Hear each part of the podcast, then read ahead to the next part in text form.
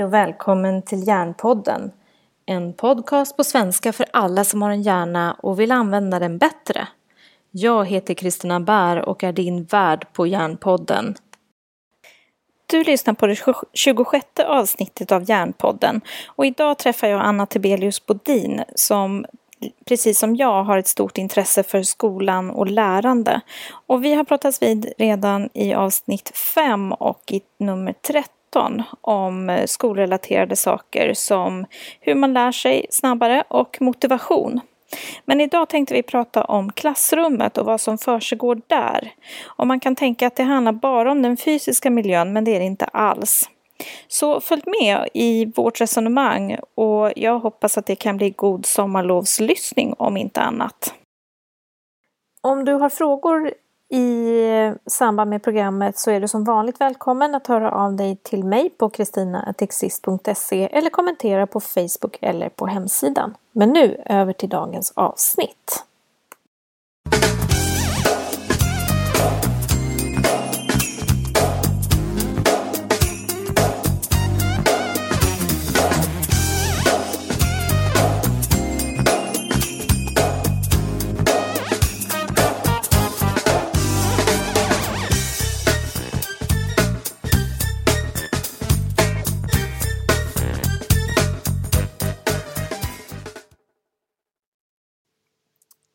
Hej och välkommen till Järnpodden. Idag har jag med mig Anna Tebelius Bodin igen som är med i avsnitt 5 och 13. Och vi har tidigare pratat om hur man lär sig bättre på ett bra sätt och motivation. Men idag tänkte vi prata om ett ämne som ligger skolan varmt om hjärtat, nämligen klassrummet. Så varmt välkommen Anna! Tack så mycket Kristina. Kan inte du bara berätta lite om dig själv för våra nya lyssnare som kanske inte har, vet vem du är. Vem är du? Ja, jättekort då. Jag är föreläsare på skolor och företag. Och jag pratar om eh, inlärning och motivation. Jag pratar om hur vi faktiskt lär oss saker, hur hjärnan bearbetar information och eh, vad som händer i oss med hormoner och koncentration och fokus och ja, allting som har eh, inlärningen till, som hör till. Allt spännande alltså? Ja, allt mm. det göttiga. Ja, men det är perfekt. ja. Eh, så i, när vi pratade om vilket ämne vi skulle prata om den här gången så föreslog du klassrummet. Mm. Och då tänkte jag, varför behöver vi prata om klassrummet? Jag valde klassrummet av den anledningen att jag vill ju alltid vara så konkret som möjligt när man pratar om saker och ting. Eh, och jag upplever att det inte mm, är så vanligt att man är så konkret. Och sätter man strukturen just eh, och definierar det vi ska prata om som just klassrummet då, då är det svårt att eh, fortsätta vara så luddig. Att, att, att det blir så abstrakt allting utan eh, vi är faktiskt på plats. Det finns vanliga reella tisdagar i oktober när det regnar och då ska vi också bedriva en undervisning och hur ska den rent faktiskt gå till? Liksom. Just det. Så att om vi, om vi tänker oss eh, klassrummet som ram för det här samtalet. Ja. Vad är det man behöver tänka på i ett klassrum när man har elever med olika behov? Jag skulle säga att för det första så har man ju alltid elever med olika behov. Mm, för elever har olika behov. Eh, och egentligen så är behoven inte sådär väldigt olika om man ska vara hårfin. Utan det är ju hur de får möjlighet att eh, tillfredsställa de här behoven som är på olika sätt. Mm. Men jag tycker kanske ofta att man fastnar, och nu blir det lite abstrakt här, men mm. man fastnar lite i att anta att alla elever är så väldigt olika. Och då blir det någonstans ett försvar till att inte kunna individualisera, för det blir ju helt omöjligt att göra 30 olika versioner av någonting samtidigt i ett klassrum när man är enskild lärare redan där skulle jag vilja säga att å ena sidan måste vi utgå ifrån att ja, alla elever har en variation av eh, behov eller framförallt sätt att tillfredsställa de här behoven. För behoven är inte lika olika som deras möjligheter att tillfredsställa dem. Mm. Men, eh, men det är ganska eh, få saker som man skulle kunna ringa in och göra rätt. I alla fall inte göra fel så ofta. Vi är människor, vi måste ha en, en realistisk press på oss själva som pedagoger också. Men, mm. gör man bara vissa saker rätt så ofta som möjligt så, så kommer man ganska långt med att nå de flesta elever. Så det är egentligen där vi ska vara idag, de här sakerna där vi kan ringa in fler eh, helhetsrätt? Ja, så kan man väl säga. Och då förutsätter det vissa saker som att till exempel inte alltid plocka bort de eleverna ur klassrummet som, som stör din egen idé som pedagog om hur du tänkte dig att du skulle undervisa. För, och då är det vissa som vi kan försvara med att de behöver en expert utanför klassrummet för de är utanför min kompetens och allt det där. Mm. Och då tänker jag att man som elev så blir man ju undervisad i hela tanken om att det vi tränar på är det vi blir bättre på. Och vi kommer inte till skolan för att visa upp vad det är vi kan. Det gör vi ju ett skede i den här inlärningsprocessen men själva större delen av, av syftet med, med, skolan är ju att vi är där för att lära. Mm. Och då blir det ju väldigt fel om pedagogen har en sån inställning om sin egen kompetens. Right. Att vissa elever skulle vara utanför kompetensen och då kommer det ju alltid vara så om de aldrig får träna på att undervisa elever med väldigt särskilda behov då som vi har valt att kalla det. Mm, just det. Och det där håller jag med dig om. Det är verkligen ett dubbelt budskap. Och ja. Om vi kan börja med det, att bara liksom mm. sälla oss till att vi är alla människor. Vi ja. behöver förlåta oss för att vi inte är perfekta och att vi inte ja. kan allt. Ja, och det är helt okej. Okay. Ja, precis. Ja. Det är helt okej. Okay. Och det måste vara så för att annars så blir det ingen utveckling. Då blir det faktiskt också på sikt tråkigt. Och det blir inte så genuint heller. Det, elever genomskådar ju det här också om inte läraren känns genuin. Det känns mm. som att det är en riktig människa som faktiskt har känslor och, och eh, kompetenser och bristande kompetenser. Mm. Det, någonstans så måste man ju vara människor mot varandra mm. för att vi ska få det att fungera. Och då tänker jag så här, det, egentligen så, det första som rör ett klassrum är alltså att verkligen skapa en lärande kultur. Ja, verkligen. Mm. Och det där är så synd för det låter, du missförstår mig rätt, det låter lite floskligt. Ja. För det låter så självklart. Men det är ju inte självklart att just, precis som du tar upp det av en anledning här, det, det exemplet jag drog, att lärare måste ju då också ha den inställningen till sitt eget lärande. Mm. För att det var, jag tror det här var Stefan Einhorn som äh, säger så mycket kloka saker. Mm. Han äh, formulerar det så bra att vi ju biologiskt determiniserade att härma. Mm. Inte att göra som vi blir tillsagda. Just det. Och det blir så tydligt i ett klassrum med, med lärarens egen inställning till sitt lärande och till hur vi vågar utmana oss själva och ta risker. Mm. Och om läraren inte gör det här så kommer eleverna inte uppleva att det är någonting man ska göra heller. Det spelar ingen roll om man säger till dem för det trumfas alltid av vad man utstrålar som förebild. Och vad man gör. Vad man gör, ja mm. precis. Så det är den första delen. Vad, vad har vi mer att tänka på i klassrummet om vi nu ska tänka att vi ska våga gå in i den här lärandeprocessen som pedagog? Mm. Vad blir nästa steg?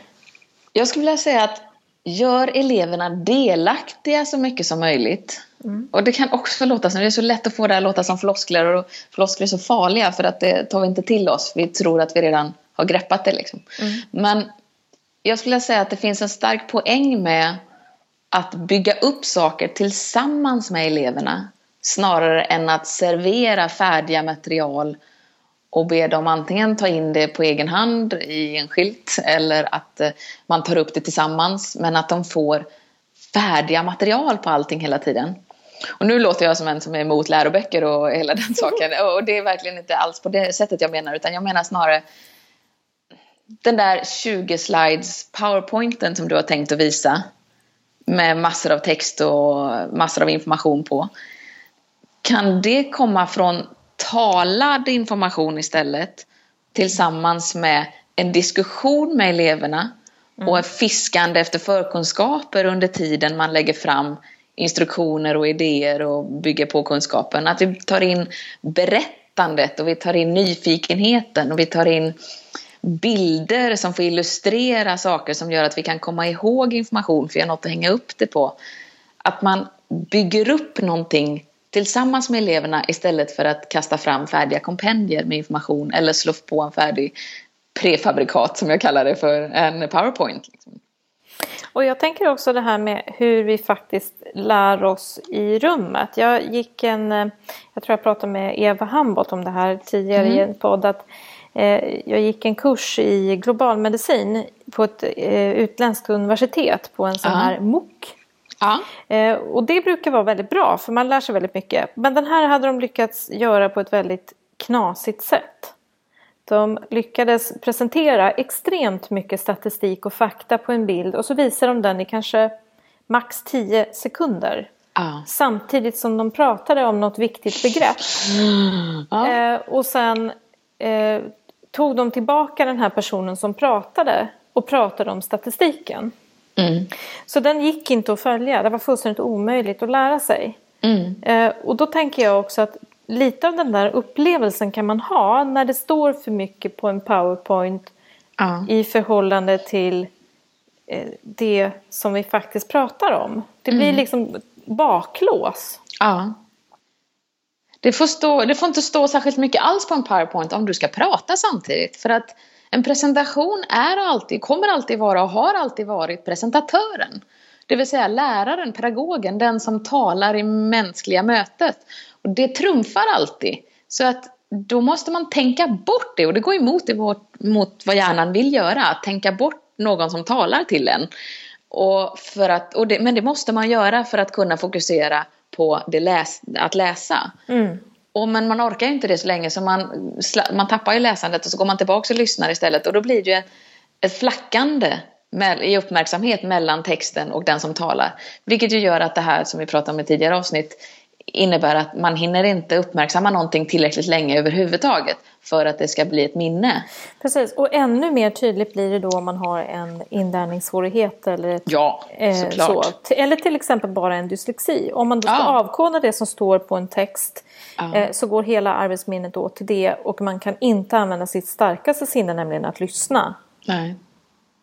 Nej men precis. Vilket är de vanligaste vi ser hos dyslektiker. Det kan naturligtvis vara olika vilken sinne som är det starkaste. Men Ja. ofta så har man ett starkt sinne i lyssnande. Och då gör dyslekterna vad? Jo, de tittar ut genom fönstret när pedagogen pratar. Och då tror man att, att den här eleven är ointresserad, och vilket de inte alls är. De bara försöker lyssna. Ja. Eh, det har jag hört så många exempel på. Jag tycker det är så komiskt varje gång. Ja. Sorgligt också. Ja, det är sorgligt. Ja. Men, Ja. men det är mänskligt, tänker Ja. jag. Eh, och här tänker jag att här kan vi verkligen lära oss, precis som du säger, att jobba fram gör ju att man också håller en aktivitet. Mm. Det här som du säger, att man bygger, elev, eller bygger lärande tillsammans, det håller ju en aktivitet. Ja, och att lära eleverna bli delaktiga i om det så är att ställa frågor eller komma med antaganden eller protestera eller vad det nu än är. Och sen när den här, där materialet då blir klart, att man har ritat upp någon bild, man har brainstormat, man har eh, gjort någon tankekarta, vad det än nu är det som har producerats på den här skärmen som det kan förstås vara, eh, smartboarden, eh, whiteboarden, vad det nu än är. Ehm, så ska ju det här sen sparas. För det här är ett material som eleverna har varit med och tagit fram och när man har varit med och tagit fram någonting så sitter det ju betydligt mycket bättre än att det bara stacks under näsan på en som ett färdigt koncept. Och då ska det ju, men jag menar ju att det ska ju upp på väggen och så sitta där så länge det är relevant. Just det, precis. Så om att göra eleverna delaktiga då blir flera led i det här. Man bygger upp tillsammans, man använder nämligen aktivitet och diskuterar och vi vet sedan tidigare i program att talet i det vi producerar i tal själva eller text själva är det som fastnar. Ja, i första hand så eh, har ju det en mycket större sannolikhet att fastna. Ja, precis. Och dessutom så får man en bild vilket ofta är någonting som gör att saker befästs bättre. Ja. Mm. Och sen menar jag att i nästa steg så kan man ju också, om man använder de här bilderna, ta fram en bild och sätta igång processen igen. Det vill säga plocka fram minnena som är ju själva tecknet på att det har skett en inlärning, att det går att plocka fram det igen. Allting vi gör registreras ju men det är ju först om det går att plocka fram som vi kan säga att vi har lärt oss någonting. Och att kunna plocka fram någonting med hjälp av den text som, vi som egentligen står för det vi vill plocka fram. Det funkar ju inte för då, då läser vi och så känner vi igen och så tycker vi just det, men det här kan jag, tror man. Men det är igenkänning, det är något helt annat. Och eftersom vi då ska producera samma sak som vi direkt har fått till oss som en påminnelse om det vi skulle kolla om vi kunde, så säger det ingenting. Men en bild kan vi plocka fram och resonera kring, okej okay, vad pratade vi om när vi hade den här bilden framme, vad stod den för? Då måste vi uttrycka det i någonting som inte finns på pappret, för det är bara bilden på pappret, den går ju inte att tala fram. Eh, utan då får man tala kring bilden och vad den står för och då är det ju faktiska kunskaper i hjärnan som vi tar fram och inget annat. Mm. Och det tycker jag är intressant att du säger, för jag vet ju, du har ju pratat för ett par av mina ungdomar hemma mm. vid ett tillfälle och de pratar fortfarande om bilden med lampan på. Eh, så att när de har varit och tränat eh, så pratar de om att nu är lampan på så nu måste jag fram med glosorna, säger de. Ja. Ja. Eh, och vi som var på föreläsningen i familjen kan re gemensamt relatera till den bilden att lampan är på. Ja. Och för er som inte har varit och hört Anna om det här så ska jag bara säga att Anna har en extremt bra beskrivning av eh, när vi tränar vad som händer i aktivitet i vår pannlob, att vi blir mer mottagliga för det. Mm. Som du då beskriver som att lampan är på. Ja. Den är ju egentligen alltid på men den ska ju vara riktad till det som, som eh, ja, det mm. som man vill att den ska vara på för och inte på fotbollsträningen eller var det till lunch idag eller, mm, eller på någonting annat. Ja, mm. precis. Eh, så om vi då har eh, två saker i alla fall som jag har hört. Lärandekultur, göra eleverna delaktiga och sen är frågan om det där med plocka fram igenkänningen i nummer tre där. Ja, det kan vi väl, kan vi väl säga. Kan man väl säga va? Ja, kan vi ja. säga. Mm. Sen då, vad behöver man mer tänka på i rummet? Alltså jag tycker ju egentligen allt andra som vi kan, som vi kan plocka in här har att göra med den här delaktigheten. Och det som vi många gånger kanske försöker motverka, att eleverna inte ska gå till sina mobiler och de här bitarna. Och om vi tittar på vad är det som gör att de gör det så är det ju dopaminet de vill ha. Det är ju det, är det de eh, eh, de, ja, det är det de vill ha. Och det vill vi ju alla ha. Och dopamin produceras ju hela tiden och i mer eller mindre mängd. Men just när vi får den här bekräftelsen, den här stimulansen, den här spänningen, den här, ja, att det, att det händer någonting. Och eh, framförallt att det är någonting som bekräftar oss själva så, så produceras det mycket mer eh, dopamin. Mm, och, för det är belöningssignalsubstans. Eh, ja, ja. Mm. tack ja. att du förtydligar. Ja, jag bara kände att jag... Jättebra, mm, nej, men så är det. Och eh, istället för att plocka upp mobilen 180 gånger på en dag i snitt eh, för att få se om man har fått likes eller om man har fått kommentarer eller om man har synts och om man är bekräftad och om man, om man finns i princip numera. Eh, så kan vi ju skapa sätt i klassrummet där dopaminet faktiskt eh, kickar igång. Och då menar inte jag att det här är för att tävla med mobilerna för att jag menar att vi borde alltid ha haft den ambitionen att kicka igång dopamin. Liksom. Och nu om de klassrum där det inte finns, vilket i och för sig är lite hårt att säga för att jag skulle vilja säga i alla klassrum så är det svårt att utmana mobilerna om man säger det i det läget därför att det går mycket snabbare att plocka upp en mobil än att nå den här förståelsen som ger dopaminet kanske. Men Vissa saker skulle jag säga att man faktiskt kan göra för att trigga igång det här som gör att åtminstone deras hjärnor upplever spänningen. Mm. Och, och vad väldigt, är det? Ja, ett väldigt enkelt sätt att göra det snor jag ju rakt av ifrån um, Dylan William med hans idéer om att rösta i klassrummet. Och det är en väldigt det är en sån enkel, genial grej som får sån fantastisk effekt. Och det handlar ju helt enkelt om att du ska få alla i gruppen att avge ett svar även när ingen har en aning. Och det är så skönt utgångsläge på något sätt för att det krävs inte någonting av någon. Det krävs att du tänker, det krävs att du är uppmärksam och det krävs att du avger ett svar. Mm. Det är mm. vad som krävs.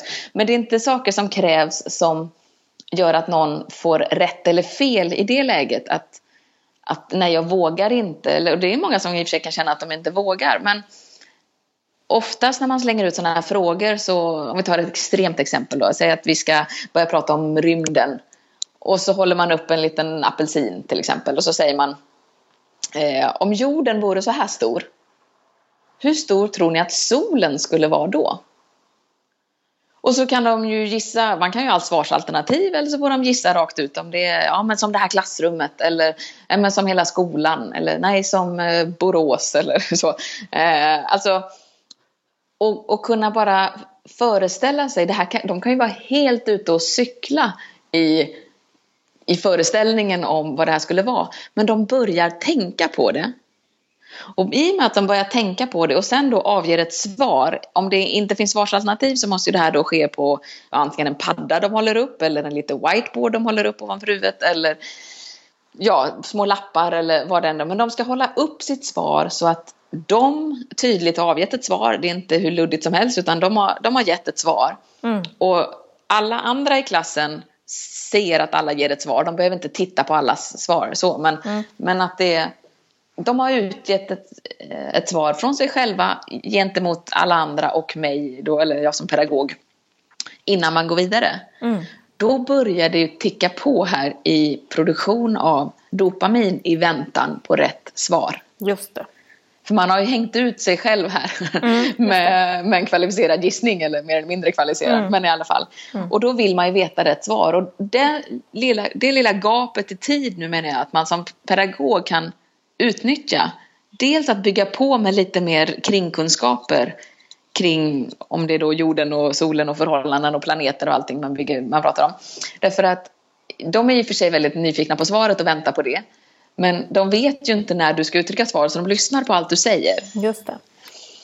Apropå det då, för jag läste en annan bok eh, om eh, det här med hur man fångar tonåringars eh, intresse och hur man får det att stanna kvar. Och då är nyfikenhet en av de här eh, triggers eh, just som, som gör att dopaminet börjar ticka.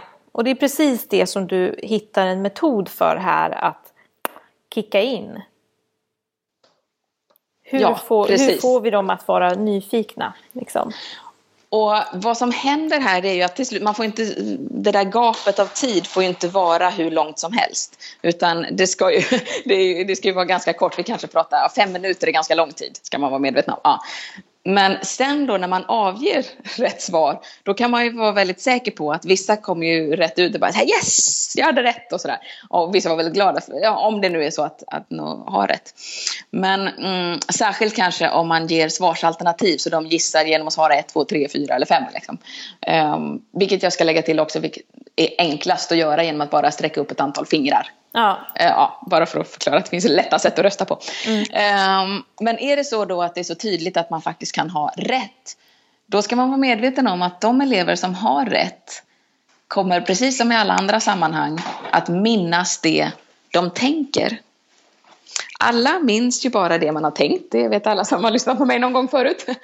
Eh, du kan bara minnas det du tänkt och tänker du när du får reda på rätt svar att ja, jag hade rätt då stärker det, det boostar ju ditt ego förstås.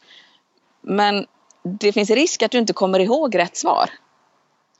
För du kommer ihåg att du hade rätt. Medan alla andra kan tänka, jaha, var det bara så? Jag trodde ju det var... Och så kom, inkluderar man själva kunskapen i det mm. man kommer ihåg. Just det. Så det här är ju också den andra sanningen som jag kan, har lärt mig om lärande, är att det är bättre att ha fel.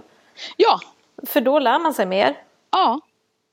Och det är därför det är så härligt att man kan slänga ut de här gissningsgrejerna eh, så ofta när man vet att man precis bara introducerar ett ämne. De behöver inte ha några förkunskaper nästan alls. De behöver bara ha en, en föreställning om att det går att eh, gissa på någonting i alla fall.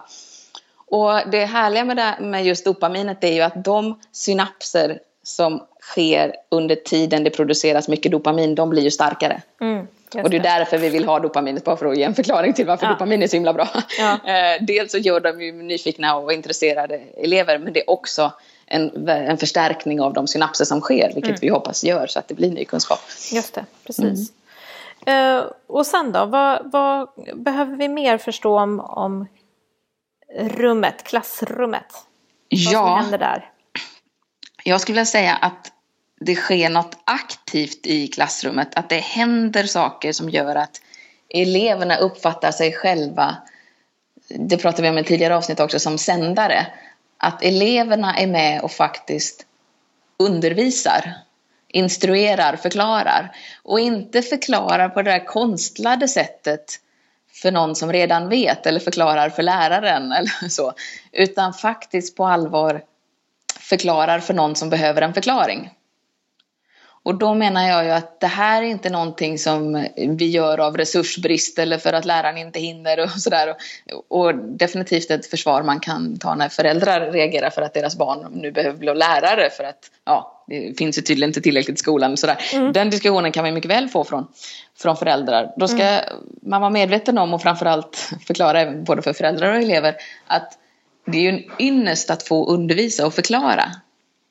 För det är då du faktiskt använder de frontal, frontalloben i hjärnan och det är då du definitivt eh, skapar lärande. Mm, precis.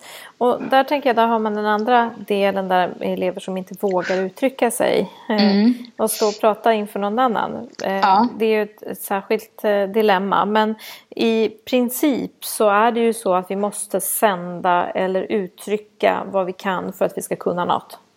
Men du behöver ju inte tala inför en grupp eller ens en annan person. Nej. Du kan ha två elever som sitter i klassrummet och chattar med varandra med instruktioner. Ja, precis. Alltså, vi behöver inte vara så låsta i Nej. de här att man ska stå inför klassen och allt. Utan mm.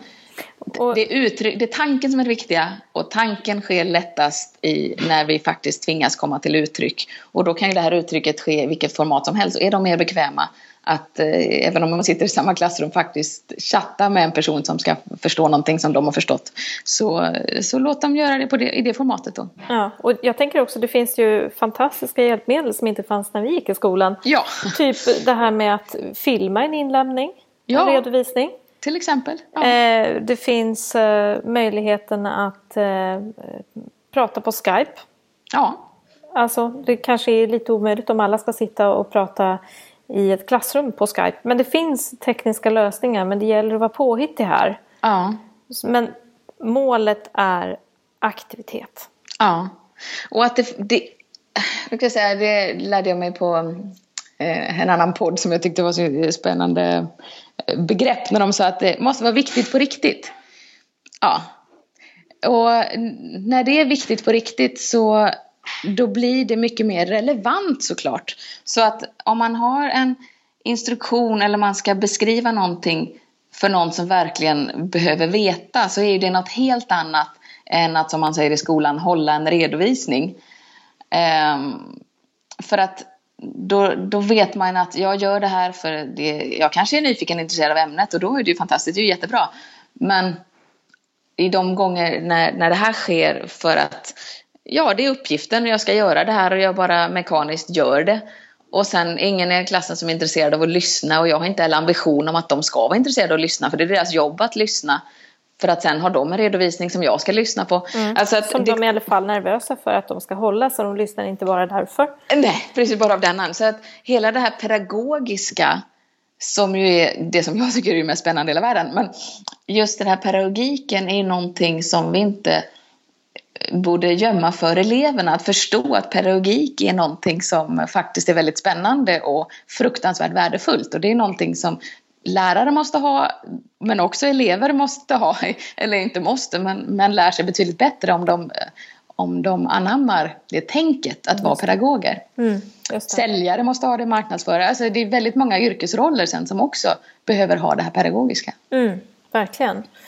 Eh, så nu har jag i alla fall räknat ihop att vi har fem stycken delar.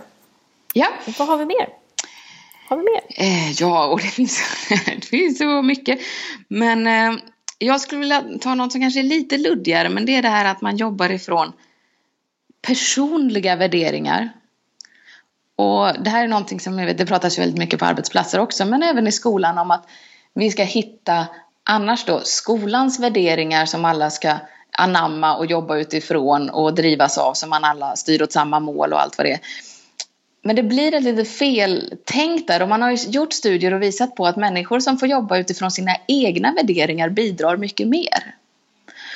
Och det är klart att vi har vissa begränsningar hos elever som är ute och experimenterar och, och funderar på saker som alltså under puberteten eller senare också, eller tidigare också kanske där man, där man kan vara ute och sväva på kanske värderingar som inte alls är okej okay, accepterade. Alltså som vi pratar att inte se till mänskliga rättigheter eller förstå demokratiska värden och sådana saker. Mm. Och där kan vi förstås inte kompromissa i skolan, det finns ju inte på kartan. Liksom. Nej, Men, för vi, skolans uppdrag är att driva demokrati. Ja, så att mm. inom de ramarna måste vi förstås hålla oss. Men sen att en enskild skola har vissa värdeord och engagemang och gärna vill ha roligt och allt vad det är.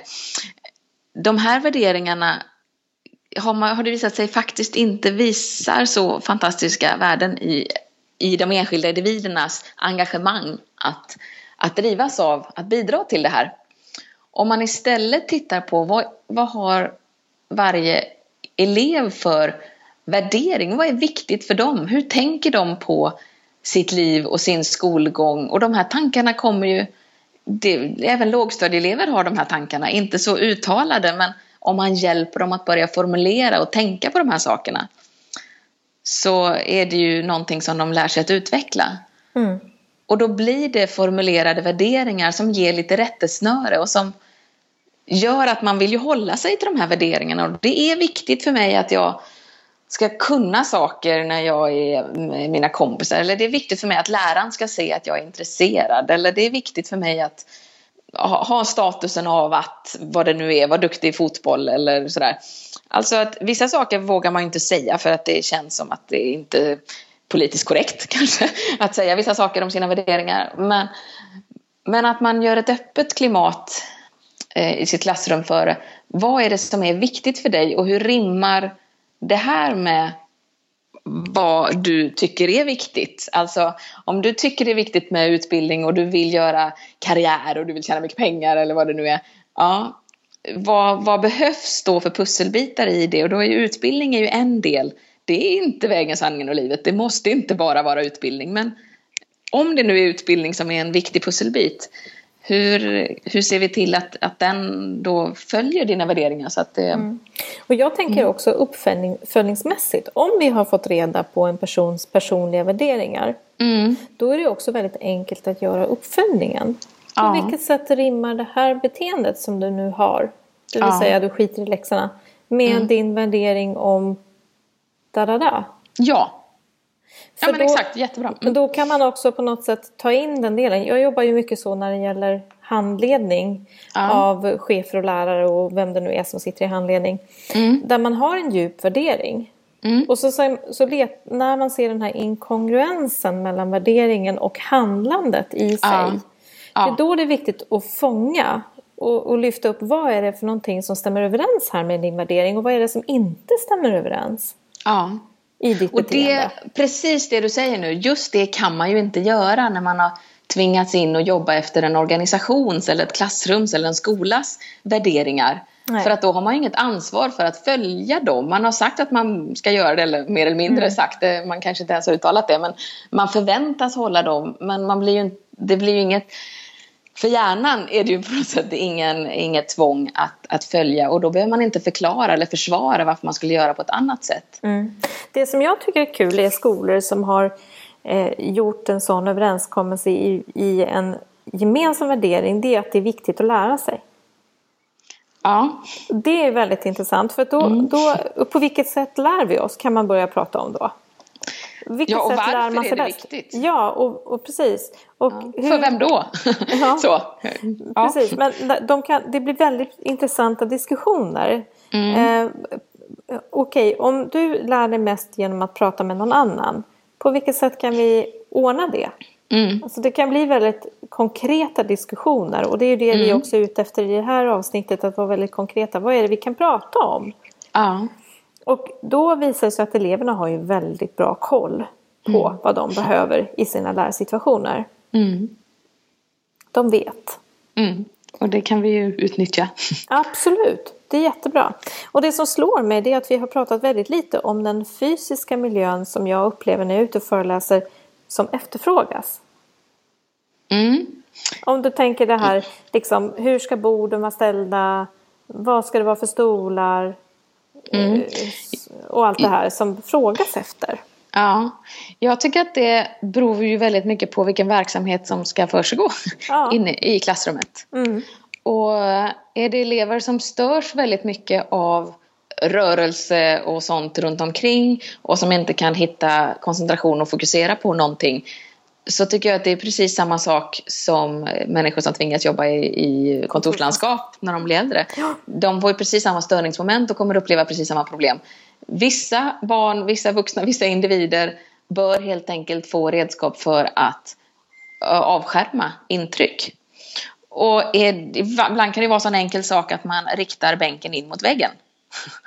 Ja, varför ska den vara riktad rakt ut i kaoset som man blir störd av? Liksom? Mm, ja, det är väldigt dumt. Ja, ja. Eh, per definition är det ju så. Ja. Och, eh, ja. och, där tänker jag också en annan, en annan sak som jag har lärt mig av en klok pedagog jag stötte på. Eh, de här eleverna som har eh, eh, låga dopaminnivåer Mm. Till exempel när man har en ADHD eller en ADD och ja. har svårt att hålla bålstabiliteten på grund av det. Mm. Så går det ju extremt mycket energi åt av dopaminet som då redan är lågt ja. till att hålla balansen på en vanlig stol. Ja. ja. Eh, och då kan man ju faktiskt med ganska enkla grepp ta in en saccosäck eller låta eleven ligga på mage på golvet.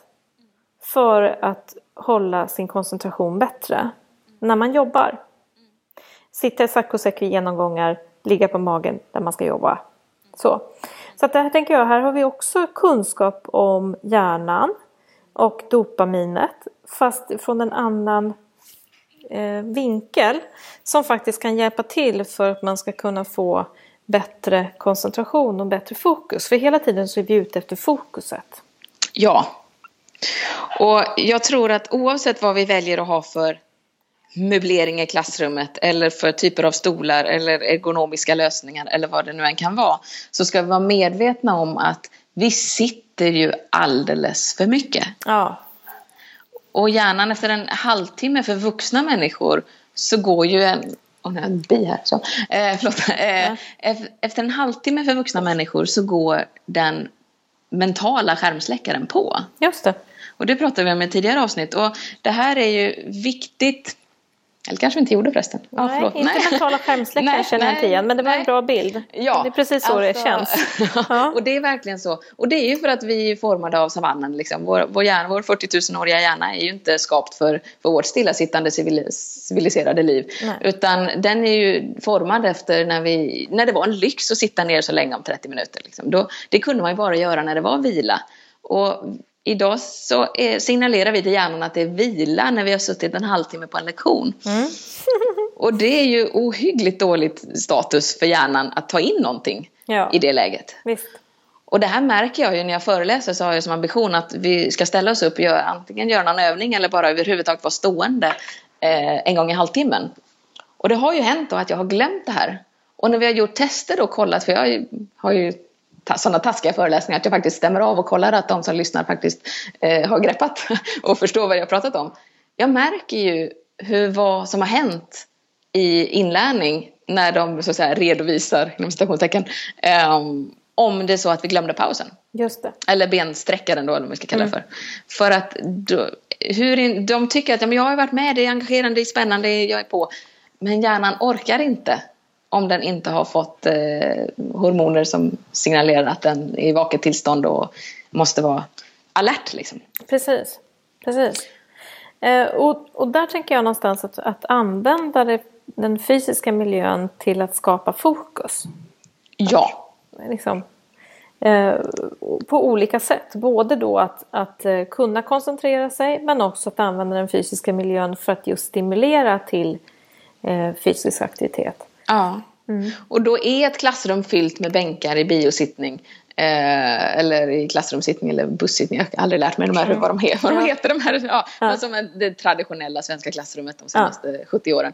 Eh, då, då blir det ju inte vad ska man säga, det stimulerar ju inte till att man, man reser sig upp och gör övningar ståendes. Nej. För det första finns det ingen yta i rummet för det så att man blir liksom sådär lite stående bredvid bänken som ju inte alls känns naturligt och då blir det någonting man ganska snart slutar med.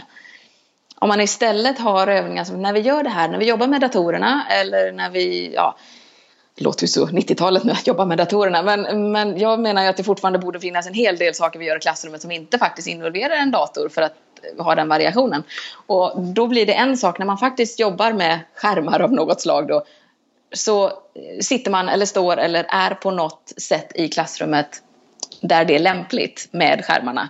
Och gör vi en annan övning så kanske alla är på mitten för att bänkarna står i ett U eller en ring eller någonting. Mm. Och då samlas vi på mitten och så gör vi någonting. Mm. Eller så är alla framme vid tavlan. Eller att det blir naturliga flöden att faktiskt förflytta sig i klassrummet. Mm, det. det. tycker jag är långt mycket viktigare än vilken sittning man har bestämt om den ändå tar upp hela klassrummet. Liksom. Ja, precis.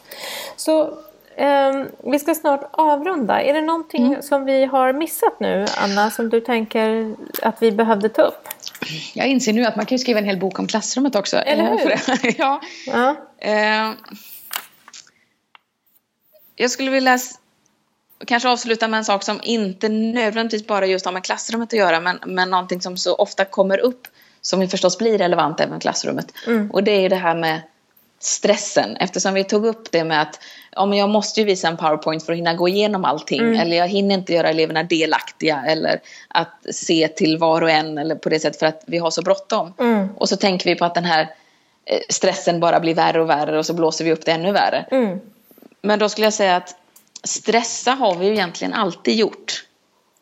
Stressen är inte nytt för mänskligheten. Så vi har alltid stressat. Problemet idag det är att vi saknar återhämtning så det är återhämtningen som måste till. För förr så, så hade vi inte hela tiden kamera och mobil och mail och allting med oss i fickan. Liksom. Jag vet ju bara när jag gick i skolan och man alltid fick höra om man inte kunde lära sig multiplikationstabellen. Bara, du kommer ju inte alltid ha en miniräknare med dig. Men så kan vi inte säga längre för alla kommer ha en miniräknare med sig. Alltså, och det är bara ett exempel, det här det är ju väldigt låg nivå. Det finns ju alla möjliga typer av hjälpmedel som vi alltid bär med oss. Men som inte alltid är hjälpmedel utan som också gör att vi aldrig stänger av. Och det är ju nytt för mänskligheten. Så att, den här, att stressen aldrig tar slut. Snarare än att det är nytt med stress. Och då menar jag att i, i inlärningssituationer när vi faktiskt ska lära oss någonting så är ju återhämtningen helt avgörande. För att det blir ju korvstoppning som man brukar prata om. Men det blir ju eh, trafikstockning skulle jag vilja snarare ja, kalla det för det i, i frontalloben. Om inte det sker en återhämtning som gör att vi sakta men säkert kan få dra bak informationen som jag menar att man går tillbaka till den bakre regionen av hjärnan och faktiskt bildar långtidsminnen. Då måste vi få återhämtning och tid för reflektion och det måste hinnas med. För att annars är allt det andra bortkastat. Precis. Och det ska in i klassrummet, är vad jag försöker säga. Precis, så återhämtningen behöver på något sätt komma in i klassrummet och eh, bara få vara. Ja, mm. dels för reflektion och dels för själva avslappningen. Faktiskt. Just det. Och jag tänker också det här med, med sömn då som, som har ett helt eget avsnitt. Eh, där, där faktiskt sömnen gör att minnen konsolideras, alltså fästs på sin plats. Ja. Eh, och jag tror att vi behöver både vara aktsamma om sömnen och om de tråkiga stunderna. Ja. Eh, därför att någonstans så är det de här tråkiga stunderna också som gör att vi hittar idéer av alla de koncept som vi faktiskt lär oss. Mm. Så att, ja, tråkigt i skolan kanske jag inte tycker man ska ha, men tråkigt på fritiden definitivt. För att det är då vi kan se, sätta samman de begrepp som vi lär oss i vår vardag och i skolan och i, eh, sen senare i arbetslivet och bland vänner och när vi idrottar och allt vad det är. Det är då vi mm. kan se sambanden och helheter, hur mm. saker hänger ihop. Mm. Så att här tänker jag att det finns, det finns en poäng med att ha det lite tråkigt som barn. Och det är mer uppmaning kanske till de föräldrar som lyssnar att var inte så oroliga om barnen har lite tråkigt. Det Nej. brukar alltid leda till att de blir väldigt kreativa.